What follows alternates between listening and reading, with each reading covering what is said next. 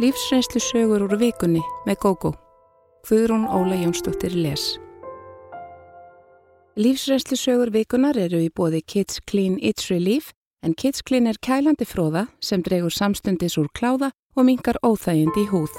Nálgast má vöruna í öllum helstu apotekum landsins.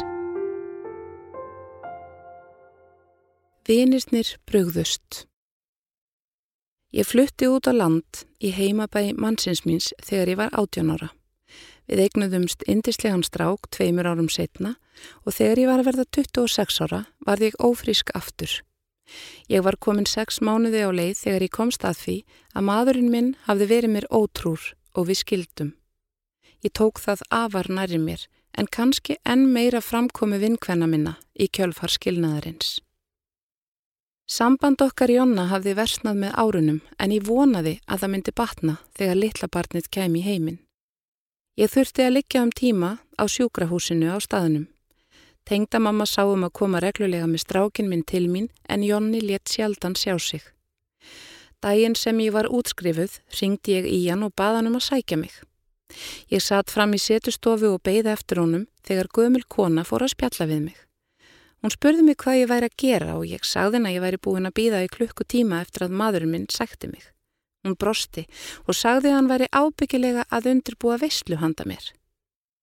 Eftir að hafa beðið í tvo tíma ringdi ég aftur og komst að því að hann hafði sopnað. Ég var voða sár þegar hann loksins kom, grút sifjaður og full. Engin veistla beði mín eins og ég vissi og þetta var bara lýsandi dæmi um það hvernig hjónabandið var orðið. Nokkrum dögum setna ringdi kunningakona mín í mig til að segja mér frá því sem allir í bænum vissu nema ég. Jonni var farin að vera með annari konu og fór ekki lengt með það. Bæjarbúar voru yfir sig nexlaðir á honum en nutuði samt að smjatta á góðri sögu, veik og ófrisk kona á spítala og hann að hitta aðra konu. Ég hefði gjarnan viljað að Jonni hefði haft mandum í sér til að segja mér að hann vildi skilnað Það er alltaf óþægilegt og auðmíkjandi að fá svona frettir á þennan hátt. Ég átti erfitt með að takast á við skilnaðin við Jonna og allt sem því fyldi. Þessi ára okkar saman hafði verið full af öryggi og ég gæti leift mér að vinna bara hálfan daginn á leikskóla en samt hafði mig það gott. Ég kveið óskaplega fyrir því að þurfa að sjá fyrir strákunum einn, ómentuð og með litla reynslu. Þótt margir haldi að einstæðar mæður hafi það svo gott þá er ekkert fjær sannleikanum og líklega er þessi miskilingur tilkomin vegna para sem eru í sambúð en konurnar láta skrá sig sem einstæðar mæður.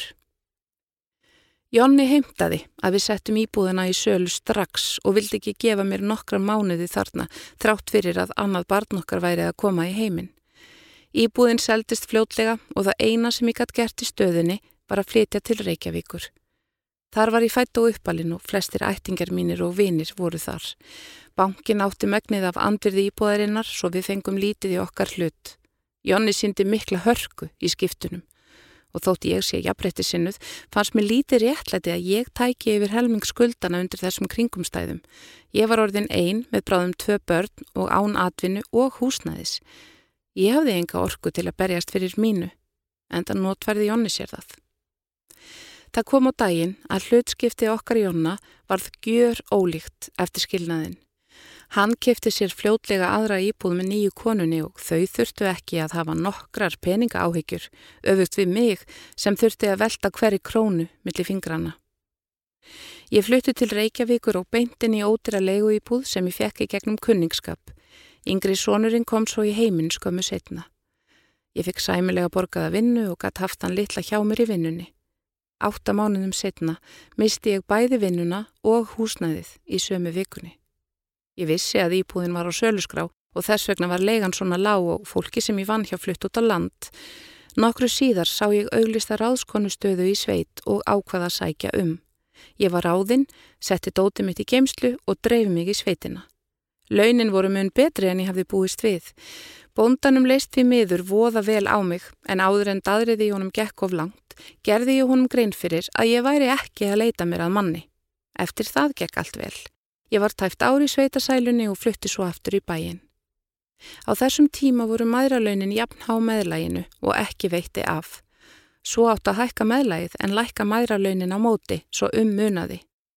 Mig minnir að félagskapur sem þá var til og hétt einstakir feður eða eitthvað slíkt hafi mótmælt hækkun meðlags harðurlega en þegar þeir komist að því að mæðralaunin myndur lækka verulega þögnuðu þeir. Það hefði aldrei gengið að barsmæðurnar hefði það kannski of gott. Þeir glemtu þarna alveg að hugsa um börnin. Ég átti ekki sjónvarp og flest húsgögnin voru samsapn af gömlu drasli sem ég hafði fengið gefins. Á þessum tíma var ég ömurlega stemt og fannst því svo mikill tapari í lífinu. Ég hafði ekkert sjálfströst og þegar ég flutti aftur í bæin fannst mér ég vera algjörlega misefnuð. Ég fekk ágætt að vinna á skrifstofu og gætt keift mér pínu litla og ódýra þryggjaherbergja íbúð. Eldri strákurinn var ánaður í nýja skólanum sínum og sá stutti hlakkaði alltaf til að fara á dagheimilið á mótnana. Sjálfströst mitt jógst og ég fór að líta betur út. Ég endur nýjaði sambandi við gömlu vinkonutnar sem ég hafi líti getað hitt vegna búsettu minnar út á landi. Við höfðum stopnað saumaklúp þegar við vorum 14 ára og það var alltaf glatt á hjalla hjá okkur. Vinkonur mínar voru allar giftar og áttu börn þegar þarna var komið. Ég fór að hitta þær mánaðalega í saumaklúpnum. Þar síndu mér mikla samúð en töluðu svo illa um Jonna að mér fór að ofbjóða. Ég stóð sjálfa mig að því að verja hann með kæfti og klóm en það fannst mér óþægilegt að hlusta á þetta. Jonni hafði skánað með tímanum og sendi strákunum sínum stundum fatnað þótt ekki væri jóliða afmæli og það var ótrúlega mikil búbót að fá kannski fína útigalla á báða strákana eða nýja skó. Ég held að konan hans hafi haft þarna höndi bakka því að hann hafi aldrei verið hugsunarsamur í sambúðinu með mér. Annan eða þriðja hvert mánuð voru vinkonurnan með matarklub þar sem makarnir voru líka. Mér var ekki bóðið að vera með í honum eftir að ég skildi þó því Jónni hefðum stundum verið með þegar við komum í bæin. Við heldum einu sinni eða tvísvar matarbóð fyrir vinkonurnar og maka þeirra en þá var það hluti af skemmtilegri helgarferð og liðið gisti allt hjá okkur líka. Allt í einu var ég ekki lengur gjaldgeng í matarklubnum og eina ástæðan var svo að ég átti ekki mann. Þótt konu séu einhleip að reyna þær ekki við alla karla sem þar sjá og ég gæti ekki skilið að ég væri allt í einu orðin ógn við vinkunur mínar. Ég var búin að þekkja mennina þeirra í nokkur ár og leita á þá sem vini mína. Þær hefði alveg geta bóðið einhverjum einhleipum karlkins vini líka sem mótvægi. Þetta særði mig mikið og smátt og smátt fór ég að sjá gamlu vinkonurnar í nýju ljósi. Með auknu sjálfströsti breytist ég í framkomu og fann alveg að það var vinkonunum ekki að skapi. Það var eins og þær vildu hafa mig í hlutverki vesællar einstæðrar móður sem þær getur vorkjant og gefið gömul föt af sér. Í einum saumaklúmnum viðræði ég draumin um að fara í öldungadeild og síðan í háskólan. Það sló vandraðalegri þögn á stelpurnar og svo skiptu þar um umræðuöfni. Þá fyrst áttaði ég mig á því að ég yrði alltaf tapari í þeirra augum. Ein vinkonan sá samt ofsjónum yfir öllum þeim barnabótum og barnabóta augum sem ég fengi ofan á heiminn hátt meðlægið. Hún gældi lengi við það að skilja við mannin sinn á pappirunum. Maðurinn hennar var með mörg hundru þúsund krónur á mánuði en vinkona mín sá bara upp að hennar sem þau þurftu að borga í skatta og var brjáluð yfir því að verið væri að refsa fólki sem væri döglegt að vinna Eftir skatta voru þau með markvaldar tekjurnar mínar enda byggu þau flottur raðhúsi, áttu jeppa og fóru nokkrum sinnum á ári til útlanda. Þessi vinkona mín sá ekki munin á einni fyrirvinnu og tveimur. Ég gat ekki lengur sætt mig við að vera í auðmingjahlutverki kakvart vinkonu mínum og ákvaða slíta sambandi við þar. Ég vissi að það yrði erfitt við að þær áttu allar sínar góður hliðar. Næst þegar ég var bóðuð í saumaklub bar ég við miklum önnum og sagði að ég ætlaði að taka mér pásu frá klubnum í byli. Stelpurnar heldu áfram að heimsækja mig af og til og ég tók alltaf vel á mótið þeim. Ég hætti að sína þeim trúnað og saðist alltaf segja allt gott ef það spurðu. Ég hafði mikið að gera, það var alveg rétt. Ég var komin í öldungadeild í möntaskóla og stemdi að því að taka stútenspróf innan fára ára.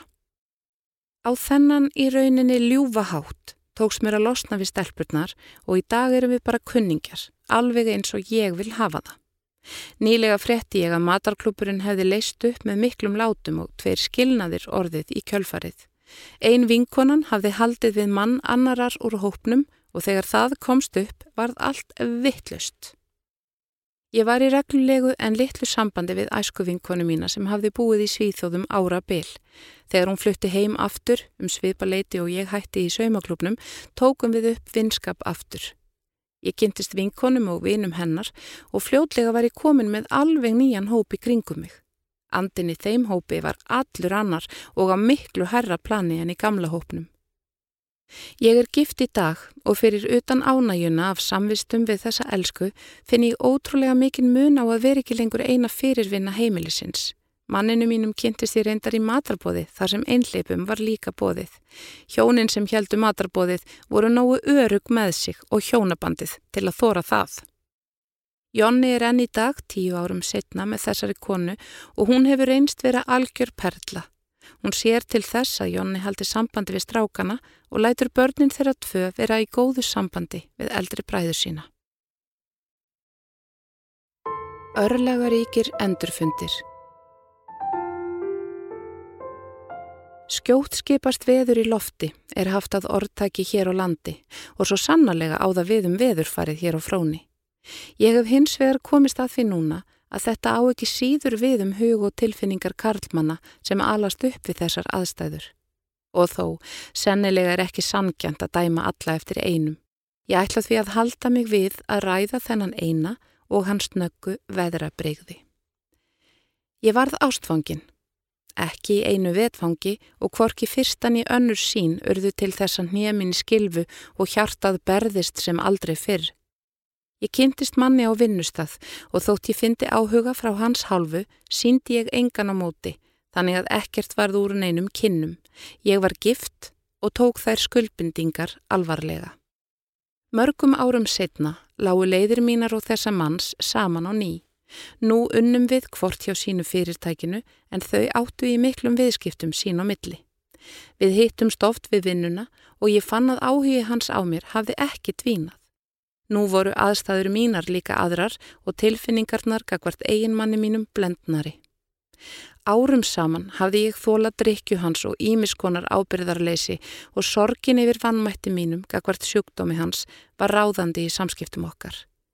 Þegar ég varð svo samtíða þessum fyrrum samstarfsmanni og núverandi kollega á ráðstefnu, let ég undan fristingunni og við áttum saman ástarfund. Mér leið hræðilega eftir þetta og forðaðist mannin eins og heitan eldin. Svona hafði ég ekki ætlað að fara að hlutunum og síst af öllu hafði ég viljað gera manninu mínum þetta. Ég held að ég gæti afskrifað þetta sem mistök en samviskan let mig ekki friði og elskuði henn ekki heldur. Hann skrifaði mér, sendi mér skilabóði í síman og ringdi í mig. Hann vildi stiðja mig, sagðan, og þótt hann væri ástfangin ætlaði hann ekki að þrýsta á mig. Ég varð upp með mér og snortin og ástin ógs hægt og hægt innrað með mér til samræmis við þann áhuga, umhyggju og hlýju sem elsku ég minn síndi. Hann heitlaði mig með fallegum orðum, uppbyggilegri nærveru sinni og tröstveikjandi framkomu. Hann skrifaði mér ótal bref þar sem hann talaði um sólskinnið sem fylgdi mér, hlýjuna sem hann skinjaði í fari mínu og hvernig tilfinningar hans skakvart mér yksu og styrtust með hverjum deginum sem liði. Að því kom að ég rétt honum hjarta mitt á silfurfati, sannferð um að við tvö hefðum eignast likil að lífsamingju hvort með öðru. Við áttum bæði börn, þótt við hefðum lifað í óhamingisömmum hjónaböndum og ég hefði lengi vitað einst inni að sjálfrarum mín vegna og barnana yrði ég að slíta samvistum við mannin minn, þá var eins og við hefðum hvorugt haft þann kraft sem tilþurfti fyrir en þarna. Elskuði minn fullvissaði mig nefnilega um að þannig væri þessu líka varið í hans tilfelli. Hann hefði hika lengi, en ég hefði gefið honum hugrekki til að taka stökkið og mér fannst ég geta sigrað heiminn með þennan mann mér við hlið. Ég tók því skrefi stóra, flutti að heimann og sótti um skilnað. Maðurinn minn brást illa við og vildi halda í hjónabandið. Hann baði mig að reyna að berjast fyrir því sem við höfðum átt en ég vissi og sagði strax að ég fyndi að engin glóð lindist í þeim gömlu glæðum. Þegar átt fyrir orð mín vildi maðurinn minn að við gerðum með okkur samningum að reyna að lífka hjónabandið við og nauðug skrifaði ég undir. Í samkomiðlæginu fólst að ég flytti aftur inn á mitt gamla heimili til barnana minna en eigin maðurinn færi í meðferð og leitaði sér að öðru húsnæði að henni lokinni. Skilnaður er aldrei auðveldur og við fundum öll fyrir því. Fjölskyldur, vinir, kunningjar og ókunnýr töldu sig geta dæmt um aðstæður okkar og skiptust í lið anstæðinga, vinnveitra og hlutlausra. Oft tók það á að þurfa að sjá að baka einhverjum sem verið hafði manni kær í lið anstæðingana og yðurlega kom á óvart hverjir skipuðu sér meðal vinnveitra. Hlutleysið reyndist flestum erfitt og stór hluti þess hóps sveiblaðist eins og óákveðnir í kostningum millir liðana. Þrátt fyrir allt þetta fannst mér ég geta borið höfuðið hátt. Ég hafði reynd að vera eins heiðarleg og mögulegt var við þessar aðstæður. Ég kunni ekki að látast og leið fyrir það að þurfa að ljúa. Ég vissi þó að börnin mín þyrsti að vernda og ég vildi venja þau við nýjar aðstæður hægt og hægt. Ímsar sögur voru í gangi um mig og ég leitaðist við að koma í veg fyrir að þær næðu eirum barnana. Sjálfri var mér sama um slúðrið og taldi mig vita betur hver sannleikurinn væri. Ég var þess líka fullviss að tímin inni með mér og fyrir það síðar lægði öldurnar. Eftir því sem frá leið var manninu mínum líka ljóst að hjónabandinu væri í raun ekki viðbjargandi. Hann fjælst við á að skilja strax og ég ákvaða best væri að ég og elsku í minn heldum okkur í dálítilli fjarlægð hvort frá öðru meðan ég gengi frá þeim málum. Ég taldi öllum betur borgið með því móti. Næstu daga var ég létt í skapi og bjart sín. Mér fannst til loksin sjá fram úr erfileikunum og innan örfára vikna væri ég komin á lignari sjó og gæti farið að horfa til framtíðar. Þá reið áfallið yfir. Dag nokkur kom ég í vinnuna og opnaði tölvupostin minn. Þar blasti við með skeiti frá ástinni minni, líkt og svo ofta áður, og ég opnaði það glöð og spennt. Í stað ástarorðana sem ég átti von á, hvað við annan og kaldari tón. Maðurinn sem hafði mánuðum saman auðsið mig lofi og byðla til mín, tilkynnti mér nú að hann vildi slíta sambandi okkar. Hann hegðist reyna að bæta hjónaband sitt en það væri eigin kona nú allt önnur og ger breytt og því forsendur fyrir slíku.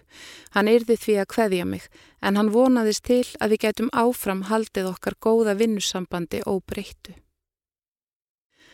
Ég starði á orðin í langan tíma án þess almennilega að skilja hvað fólst í þeim. Undrun mín var algjör því þegar við töluðum saman síðast var hann fullur tillökunar vegna þess að nú færi skilnaður minn loksins að ganga í gegn. Hann hafði auðsið yfir mig ástarjáttningum og líst gleði sinni með samband okkar. Frá þessum eldheita fundi voru ekki liðnir nema fimm dagar og á þeim örstuta tíma hafði hann geta gert upp tilfinningar sínar gagvart mér og í raun afskrifa þær. Ég skildi það ekki þá hvernig hann gat þetta og skildaði ekki enn. Sjálf gekk ég gegnum vanlíðan og erfileika í mörg ári sambúð við drikkjumann án þess að það kvarlaði nokkru sinni að mér að gefa upp á bátinn samlíf okkar. Ég elskaði mannin minn og það hafði mikið gengið á í langan tíma áður en honum tókst að drepa allar mínar ástartilfinningar. Í þessu tilfelli sveiplaðist fullorðin maður frá ástil kulda í einu vetfangi líkt og úlingur á skólaballi. Hormonasveiflur úlingana gera það að verkum að fæstir mynda mjög traust sambönd á þeim árum en flestir vaksa upp úr því, læra að þekka sjálfa sig og takast ekki á hendur tilfinningarlegar skuldbindingar gagvart öðrum nema alvar að búið að baki.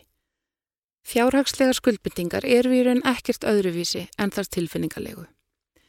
Flest lítum við hvoru tvekja alvarlegum augum og stopnum kvorki til skuldan í leggjum inn hjá öðrum nema vegna þess að við höfum fulla trú á markmiðum okkar með fjárfestingunni og ætlum að standa við hana á öllum sviðum.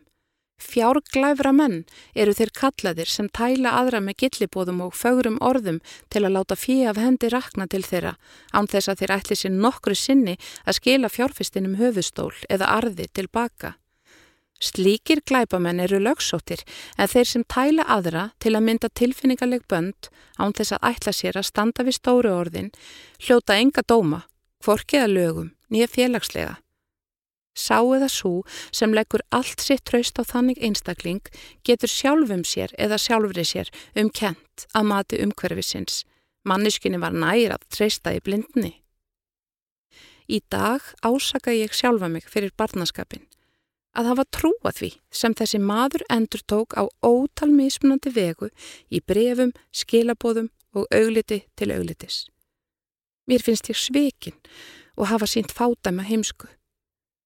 En þegar upp er staðið er hægt að skilgreina þetta sem barnaskap og einfældni. Er það ekki eðli okkar allra að vilja trúa því besta um náungan?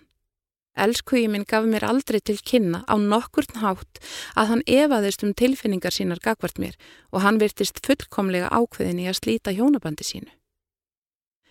Ég hef farið yfir síðustu samskipti okkar aftur og aftur í huganum og kvorki orð hans nýjegjörðir þá bentu á nokkurn hátt til þess að staðfesta hans væri að bresta. Að líta um auksl skilar engu og sjálfsagt mun ég aldrei skilja kúvendingu elskuga míns.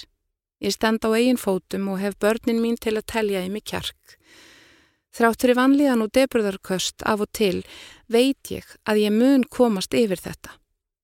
Hins vegar mun ég alltaf verða þakklátt fyrir að eitt gott kom þó út úr þessu.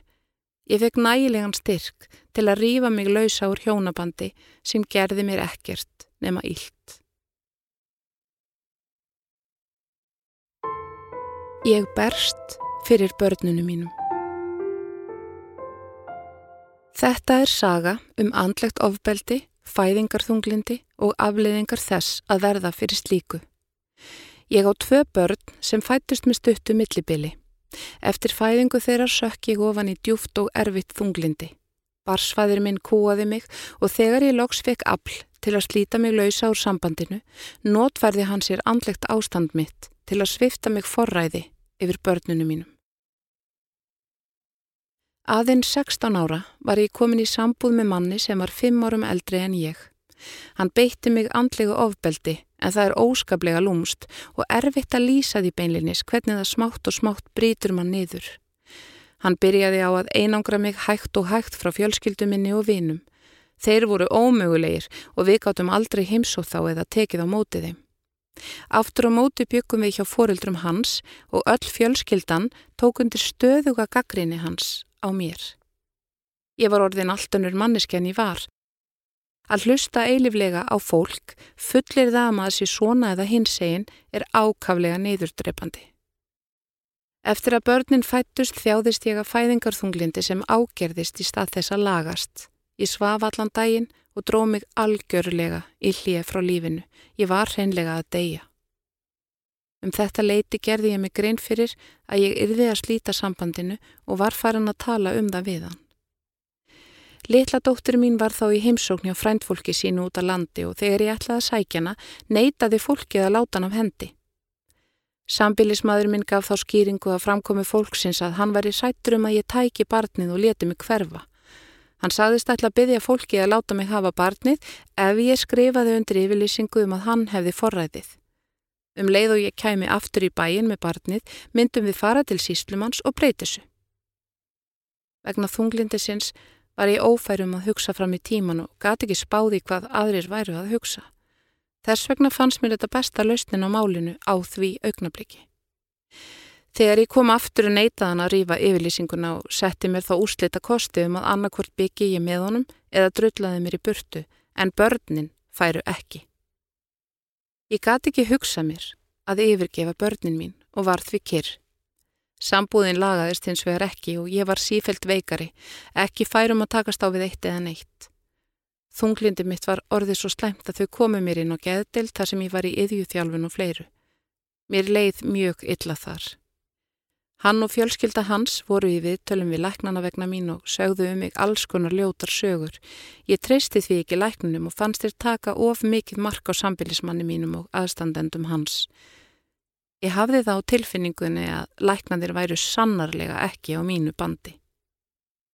Dölin á geðdeldinni braut mig því enn meira niður í stað þess að byggja mig upp. Lóks var svo illa komið fyrir mér að ég vissi að ef ég sliti mig ekki lausa myndi ég einfallega farast. Hann og fólkið hans voru í raun minn heimur á þessum tíma og reðu öllu sem ég gerði. Sjálf var ég ófærum að taka ákvarðanir og átti mér ekkert líf utan þess þraungar amma sem þau sköpuðu mér. Ég vissi að þetta var ekki rétt og var ósatt við það en á þessum tíma hlustaði engin á það sem ég sagði og ekkert tillit var tekið til orða minna og óska. Þegar við hófum sambúð aftur eftir að ég skrifaði undir forræðis yfirlýsinguna, sett hann mér alls konar skilirði. Flest voru óþorlandi og meðal annars var ég að sofa í sama rúmi og hann, þótt ég kerði mig ekkert um, svo náðu samniti. Ég brá á það ráða, brjóta gegn þessum skilirðum og reri í raun og veru öllum árum að því að hann hendi mér út. Hann gerði það að lokum og ég fluttið því til ömmu sem bjó rétt hjá heimili hans. Á hverjum degi fór ég til barnana minna. Ég dvaldi hjá þeim meðan þau vöktu og fór ekki til ömmu fyrir en þau voru sopnuð á kvöldin. Strax og ég var laus úr þessu niðurbrjótandi umhverfi fór ég að finna fyrir því að mér leið betur. Þremur mánuðum eftir að ég flutti út leitaði ég til lögfræðings og baði hann að hjálpa mér að fá forræði yfir börnunum. Lögfræðingurinn taldi að það yrði nánast ómögulegt að ég fengi forræðið þar sem ég hefði skrifað sjálfviljúk undir þessa yfirlýsingu og málaferlinn getur tekið langan tíma. Það reið mér einning frá því barnana vegna að hefja langvarandi deilur við föður þeirra. Eftir að hafa fengið þessar upplýsingar bóðaði ég til fundar með honum og fórildrum hans þar sem ég bað þau eins vel og ég gatt að láta mér í tjef fórsjá barnana og leifa þeim að búa hjá mér. Sá fundur endaði með því að mammans lamdi mig. Ég reyndi samt aftur og aftur að leita til sambilismanns míns og höfða til þess góða í honum. Ég myndi hvernig hann var þegar ég varð ástfangin af honum og það var sámaður sem þá hafði byrst mér sem ég reyndi að ná tengslum við og tala til. Ég bent honum á að það væri ekki rétt að rífa börn frá móður sinni. Hann svaraði því þannig að ég geti fengið börnin eftir þrjá mánuði. Ég fór full vonar og kom aftur á þremur mánuðum liðnum og hvaðast vera komin til að sækja börnin. Hann vildi þó ekkert kannast við að hafa sagt þetta og neytaði mér um að fá þau. Ég brotnaði niður og grétt og bað hann eins einlaglega og ég gat að gera þetta ekki. Það var til þess að hann sagði að ég geti fengið börnin þegar ég væri búin að fá íbúð. Með þessi svör fór ég af stað í leitað hendugu húsnæði og þegar ég hafði skrifað undir leigusamning fór ég til hans aftur. Enn kom babbi í bátinn og hann þver neytaði að hafa gefið mér nokkra vonum að hann myndi afsala sér forræðinu. Þessir grimmúðlegu leikir ollu því að ég misti um tíma öll tök á lífinu. Ég fór að drekka og leiði alveg hræðilega illa. Á þessu tímabili gæti ég ekki hugsa mér að taka börnin til mín því það var svo erfitt að láta þau frá sér aftur. Þau gretu og báðu mig um að fá að vera lengur hjá mér. Lítil börn lifa bara í augnablikinu og það er svo erfitt að útskýra fyrir þeim að svona verði hlutirnir að vera og að við hittumst aftur að ákveðnum tíma liðnum. Þau skilja ekki hugtaki tími og skinja það eitt að mamma er að láta þau frá sér enn og aftur. Þetta voru erfiði tímar en ég náði að rétta úr kútnum aftur. Það eitt að vera laus úr þessum þrúandi aðstæðum sem ég hafði búið við var nóg til þess að ég fór að verða ég sjálf aftur og sjá einhverja ljósklætu í tilverunni. Ég stend enn í forraðisteilu við barsföður minn og mun aldrei gefast upp. Deilur okkar hafa verið hræðilegar og hann hefur gert allt til að gera mig lífi leitt. Hann flutti í annað bæjarfélag til þess að gera mér erfitt fyrir með að hitta börnin og eitt sinn sá hann til þess að ég fekk ekki að hitta þau í þrjá mánuði. Hann mætti ekki hjá síslumanni þegar við áttum að semja um umgengnisrétt og komst upp með það í marga mánuði. Tvísvar hef ég ekki skilað börnunum á réttum tíma. Í annarskipti vegna þess að ég hafði panta tíma hjá lækni fyrir þau en þá hafði hann ekki synd um að fara með þau til læknis í heilt ár. Hann fretti svo af mér í heimsókn hjá vinkonu mömmu og sapnaði liði. Hann og vinir hans reðust á okkur fyrir utan húsið, slitu af okkur börnin og börðu tönn úr mömmu. Þegar lögreglan kom á vettvang höfðu þeir loka sig inni í íbúð kunningja og lögreglan gati ekki brotistangað inn. Ég baðum að farið yrði með börnin og slísatil til skoðunar eftir ískingarnar en það var ekki gert því pappið er að neyta þig að fara með þau. Í hitt skiptið treysti ég mér einfandlega ekki til að láta þau fara því þau grátt báðu mig um að fá að vera. Þá letan lögfræðing sinn skrifa mér bref þess efnis að ef ég ekki skilaði börnunum yrðu þau sótt með lögregluvaldi. Í dag er basfæður minn kventur fyrir um vinkonu minni. Hún á þrjú börn, tvö sem búa hjá henni og eitt sem hún let frá sér. Ég skil ekki hvernig er hægt að láta frá sér eigið barn að berjast síðan við aðra konu um að ná að venni hennar börnum. En ástæða þess að ég segi þessa sögu mína er að við erum svo fáar þessar forræðislausu mæður og enginn sem stendur vörðum réttindi okkar. Forræðislausir feður geta leita til félags ábyrgra feðra en mæður í sömu stöðu eiga ekki inn einn hús að venda. Ég vona bara að meira tillit verði tekið til óska barnana í framtíðinni og lögunum verði breytt þannig að þau geti valið hvar þau vilja búa.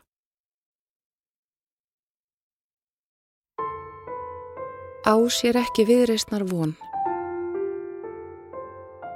Sónur minn frá fyrra hjónabandi var í óreglu um ára bil en mörg ára eru síðan að snýri lífi sínu til betri vegar. Maðurinn minn og börn hans hafa þó aldrei geta litið hann réttu auga. Fyrra hjónaband mitt var verulega erfitt. Egin maður minn og barsfaðir var sífelt ofbeldi sinnaðri en búin að hræða mig svo mikið og kúa að ég þorði ekki að fara frá honum. Hann fullvissaði mig um að hann geti tekið það með drengin og lengst af trúði ég því að honum væri alvara. Honum leið illa á vinnustað sínum, þurfti að sætta sig við að hafa konu sem yfirmann sem honum fannst óbærilegt. Þá var gott að eiga konu heima sem hægt var að skeita skapi sínu á, eitthvað sem hann gati ekki beitt á frekjuna í vinnunni. Út á við virtist hann hinn vænsti maður. Hann var vel klættur og á flottum bíl en engin vissi hvað gekk á innan vekja heimilisins. Fjárhagur okkar var báborinn vegna þess að síndarmennska hans kostaði ofmikla peninga. Við höfðum ekki efna á að kaupa svona dýra bíla eins og hann gerði, en ég hætti fljótt að skipta mér af því sem hann gerði. Þegar hann fór að ráðast á drengin, var það kornið sem fylgti mælin. Stráksi var ekki náma tí ára þegar hann reyndi að verja mig fyrst og uppskar mikla reyði frá föður sínum. Hjónabandi versnaði sífelt og var í algjörum mólum þegar ég hertu upp hugan og sagði manni mínum að ég vildi skilnað. Ég bjóst við æðiskasti frá honum en það komir þægilega og óvart hvað hann tók þessu vel. Það særði mig ekki einu sinni þegar hann sagði að það yrði bara gott að losna við okkur drengin. Engar hótanir lengur um að taka hann af mér. Ástinn var greinilega löngu horfin hjá báðum aðilum. Lítið var til skiptana. Ég vildi bara fá hluta af innbúinu og sleppa á brott. Hann mótti fá dýrabílin og íbúðina sem var skuldsett upp í rjáfur. Mér tókst að finna ágæta leigu íbúði í vogakverfinu og þar bjó ég okkur makka mínum hreyður. Hann var þó orðin 12 ára. Ég fann fyrir miklu frelsi eftir skilnaðin. Fyrir maður minn var fanatískur á vín og tópak en nú gæti fengið mér í glas án þess að óttast reyði. Ég fór ekkert offar í því, fór út að skemta mér með vinkonu mínum annars lægið og nautist að vera frí og frjáls. Það síðasta sem ég langaði til var að binda mig aftur. Þeimur árum eftir skilnaðinn hitti ég þó mann sem ég varð ástfangin af. Samband okkar árna var mjög fljótt alvöru samband og ég flutti í rathúsi til hans aðeins hálfu ári eftir að við kynntumst. Okkur var þó nánast ítt úti að ruggla sama reytunum því ég misti íbúðina í vokakverfinu og það var kannski frekar bjánalegt að ég færi nýja leigu íbúð þar sem við vorum nánast alltaf saman. Árni hafði drukkið mikið á árum áður en var löngu hættur. Ég ákvaða hætt að drekka líka, enginn bað mig um það en mér var í raun alveg sama hvort ég drikki eða ekki.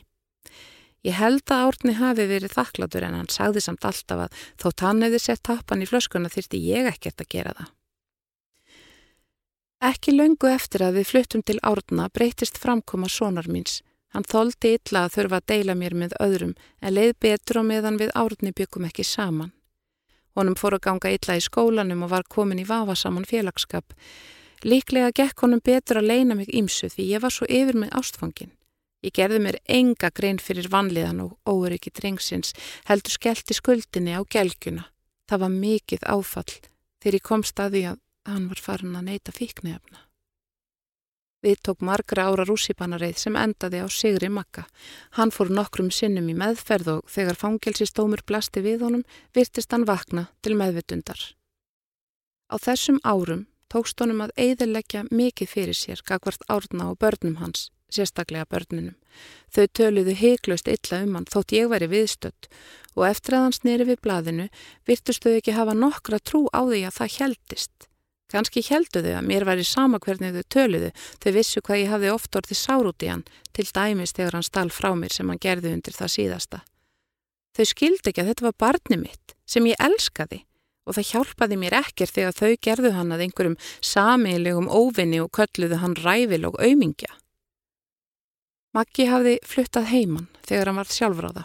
Ég hafði eilívar áhyggjur af hann en neytist til að loka á hann þegar ástandi var sem verst.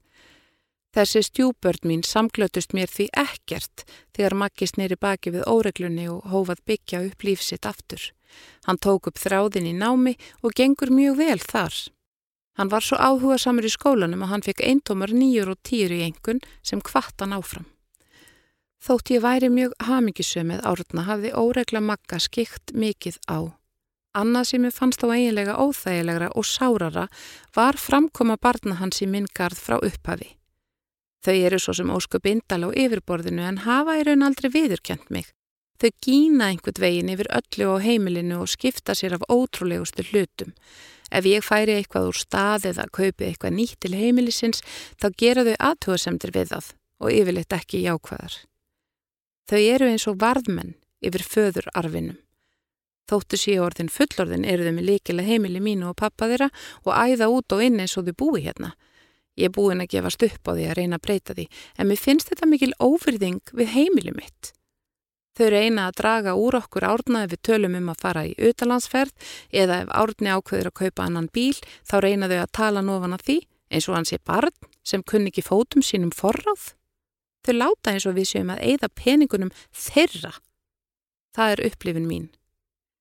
Síðustu árin hef ég unnið halvan daginn á skrifstofu og ég hugsa mjög vel um heimilið sem er afar fallegt.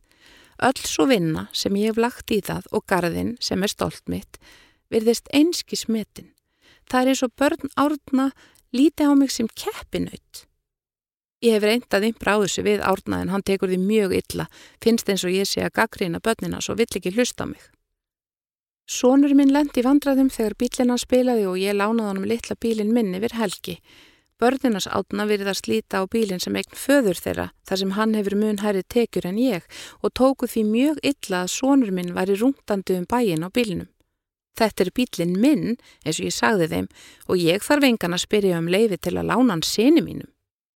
Það særði mig mjög þegar ég fekk að finna svona grímulaust hvað þau fyrirlíta makka mikið og munu eflaust alltaf gera.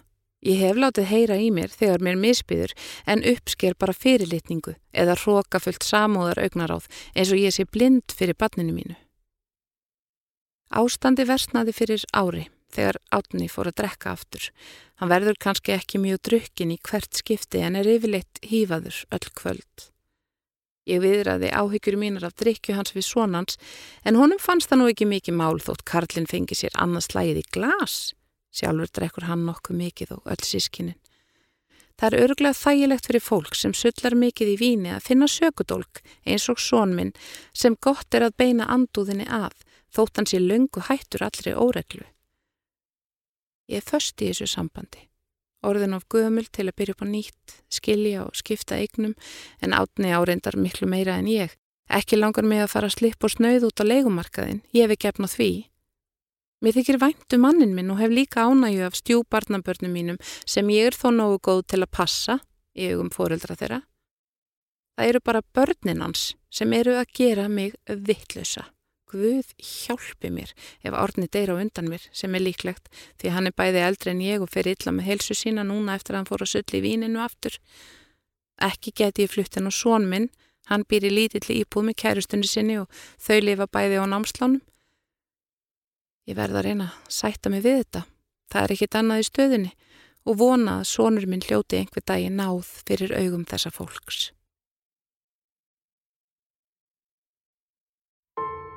Alltaf viðhald, aldrei eiginkona. Eftir áralangt hjónaband með drikkjumanni var ég örþreytt bæði á sál og líkama.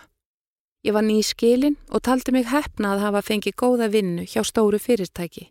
Yfirmaður minn var kurtis og fyrirmannlegur eldri maður sem kom fram við mig af mikillir tillitsemi. Eftir á að hyggja held ég að hlýja hans og virðinga hvert mér hafi verið það sem skipti sköpum og var til þess að ég kolfjall fyrir honum. Samband okkar var lengi engöngu kunningasamband en kvöld nokkurt bauðan mér að keira mig heim eftir vinnu. Þegar við vorum komin út í bíl spurðan mig hvort mér lægi á heim og ég svaraði eins og satt var að enginn byði mín. Hann bauð mér þá að borða með sér því kona hans væri á ferðalagi og sér leittist að borða einn. Ég let til leiðast og kvöldi var mjög skemmtilegt. Hann var hinn fullkomni geskjafi og kunni þá list að hlusta. Áður en ég vissi af hafði ég sagt honum frá erfiðu sambandi mínu og mannsins míns fyrverandi og hvernig ég hefði barist við að fá hann til að takast á við sjúkdómsinn. Ég og maðurinn minn kynntumst þegar við vorum úlingar og giftum okkur eftir að ég varð ófrísk. Ég misti fóstrið og þannig fór einning í næsta skipti sem ég varð ófrísk. Eftir mikla rannsóknir kom í ljós að ég gati ekki gengið með bart fulla meðgöngu og yrði sennilega að liggja fyrir mikinn hluta af tímanum ef mér ætti að takast að fæða barni þennan heim. Ég ákvað þess vegna að býða með barnignir um tíma og eftir á að higgja reyndust forlaugin með hliðhóll með því að taka í taumana þá. Maðurinn minn skar sig úr vinahópnum strax þá að því leiti að þegar hann drakk þá drakk hann illa. Flestir voru búinir að fá nóað ballinu loknu og heldu heim að sofa en hann held áfram að drekka framundir morgun og stundum allan daginn eftir. Ég held að þetta myndi eldastafunum og með auknum þroska myndi hann gera sig grein fyrir að hann yrði að breyta um lífstíl. En það varð ekki. Þessi stað held ástandið áfram að versna og þegar við skildum var málum þannig komið að hann kvarfað heiman, oft dögum saman og skreið síðan heima aftur að drikkjutúrunum í loknum, algjörlega niður brotin. Ég gat einfallega ekki hort upp á þetta lengur. Ég hafði unnið mjög mikið árum saman og heilsa mín var tekin að bila vegna ofreynslu. Blóðþristingurinn var mjög hár og læknarnir hafðu áhyggjur af hjartanu í mér. Þetta kvöld með nýja yfirmanninu mínum slakaði ég á í fyrsta skipti í mörg ár og nöyð lífsins betur en nokkru sinni fyrr.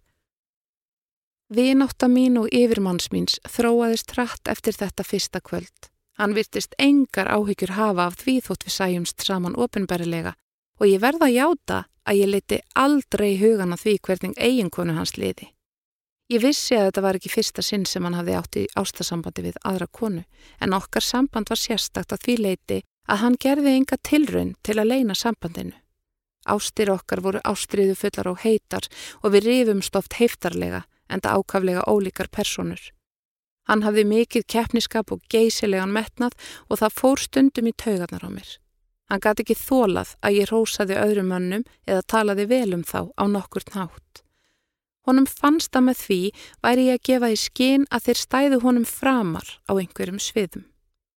Til marksum það mann ég að eitt sinn fór ég með honum í bóð heima hjá vini hans sem sagði við mig í stríðnistón Ég vissum að ég geri það mjög oft. Ég svaraði í sömu mynd og saði, nei, okkur dættur ekki eins og ég huga kissast. Elskhugi minn reytist þessu heftarlega og reyti því í mig að fyrst ég væri óanægð með framistöðu hans í kynlífinu væri best að hans nýri sér að öðrum konum. Ég varði alveg miður mín og sagði honum að ég hefði bara verið að reyna að vera fyndin og orð mín hefði einmitt haft gagstaða merkingu. Þrátt fyrir það vildi hann ekki taka neinum sönsum og var mér lengi reyður fyrir þetta. Samband okkar hafði staðið í tvö ár þegar konan hans krafðist þess að hann flytti út af heimilinu. Hún var búin að fá nóa því að maðurinnar færi með annari koni í veistlur út að borða og leti eins og hún var ekki til. Ég átti von á að hann kæmi með allt sitt hafurtask heim til mín en hann kaus að kaupa sér litla íbúð og flytja þangað. Ég spurði hvort hann vildi ekki að við tækjum upp sambúð en hann sagðist á þurfa tíma til að átta sig eftir skilnaðin og við myndum ræða það setna. Ári síðar giftist hann öllum að óvörum, konu sem var mun yngri en ég. Allt frá því hann skildi höfðu allir beðið eftir því að við tækjum saman og hjónabandið kom vinum hans jafn mikið á óvart og mér. Ekkert okkar vissi fyrir en eftir á að hann hafði staðið í ástarsambandi við þessa konu í þó nokkur tíma. Ég varð fyrir miklu áfalli. En innan við mánuði frá brúðköpinu var hann aftur farin að ringja í mig og banka upp á sent á kvöldin. Í fyrstu neytaði ég að leipunum inn, en svo gafst ég upp. Þegar hann sneri aftur til mín, svo skömmu eftir giftinguna, breytist vanliðan mín og reyði í sambland af gleði og ergelsi. Þótt ég viðurkendi það aldrei fyrir honum, trúði ég að hjónaband hans myndi enda með skilnaði og þá bjóst ég við að hann kæmi til mín, al komin. Ég vil að það komi skýrt fram að þegar hann giftist fannst mér ég vera svekin. Hvaða konu sem er hefði fundist það sama, en ég var þó fremur undrandi en reið. Ég gætt alls ekki skilið hvers vegna eftir árin okkar saman að hann hefði tekið upp á því að giftast annari. Um tíma var ég mun kröfuharðari og frekari gagvart honum en ég hafði verið áður, en fljótlega tók allt að sækja í sama farið. Það var þá sem ég áttaði mig á að ég yrði alltaf viðhaldið hans, aldrei eiginkona. Honum hentaði ágætlega að hafa mig í bakhundinni til að veit honum félagskap og hlýju. Við höfðum svipuð áhugamál, þekktumst vel og vinum hans líkaði vel við mig. Ég sá lóksins að hann hafði aldrei hugsað sér að giftast mér og líklega hafði hann aldrei litið á mig sem tilvonandi eiginkonu sína. Þetta var mig líka áfall og um tíma var ég sem lömuð. Loks tók ég á mig rökk og ákvaða breyta lífi mínu. Ég hafði gefið mig alla í samband við mann sem ekki hafði hugsað sér að gefa neitt af sér og það var að fara með mig. Ég veit satt að segja ekki hvort var verra bara áttan við alkoholismann eða vannmátturinn gagvart manni sem ekki gatt gefist neittni mannesku til fulls. Þegar allt kom til alls hafði ég engöngu um tvo kosti að velja, að sætta mig við að vera í auka hlutverki í eigin lífi eða taka stjórnina og fara að lifa sjálfrar minn vegna. Nú eru komin fimm ár síðan ég valdi að lifa sjálfstæðu lífi. Maðurinn let mig lengi ekki í friði og ég brá á það ráð að flytja ára landi. Ég hóf náma nýju og lauk starfsnámi í skemmtilegu fægi. Vinnan við það á mjög vel við mig og fyrir nokkru mánuðum flutti ég aftur heim. Um daginn sá ég ungu konuna sem ástmaður minn giftist tilsýndar á götu. Hún var þreytuleg og leiti illa út. Ég veit ekki hvort það er vegna þess að hún býr hann með honum eða hvort hún var einfallega illa fyrir kölluð, en ég fann til mikil sléttis yfir að vera laus úr þeirri áþján að dansa eftir duttlungum annarar mannesku. Þú varst að hlusta á lífsreynslu sögur úr vikunni með GóGó í lestri Guðrúnar Óli Jónsdóttur og framleiðslu Storysight árið 2020. Höfundaréttur Vikan.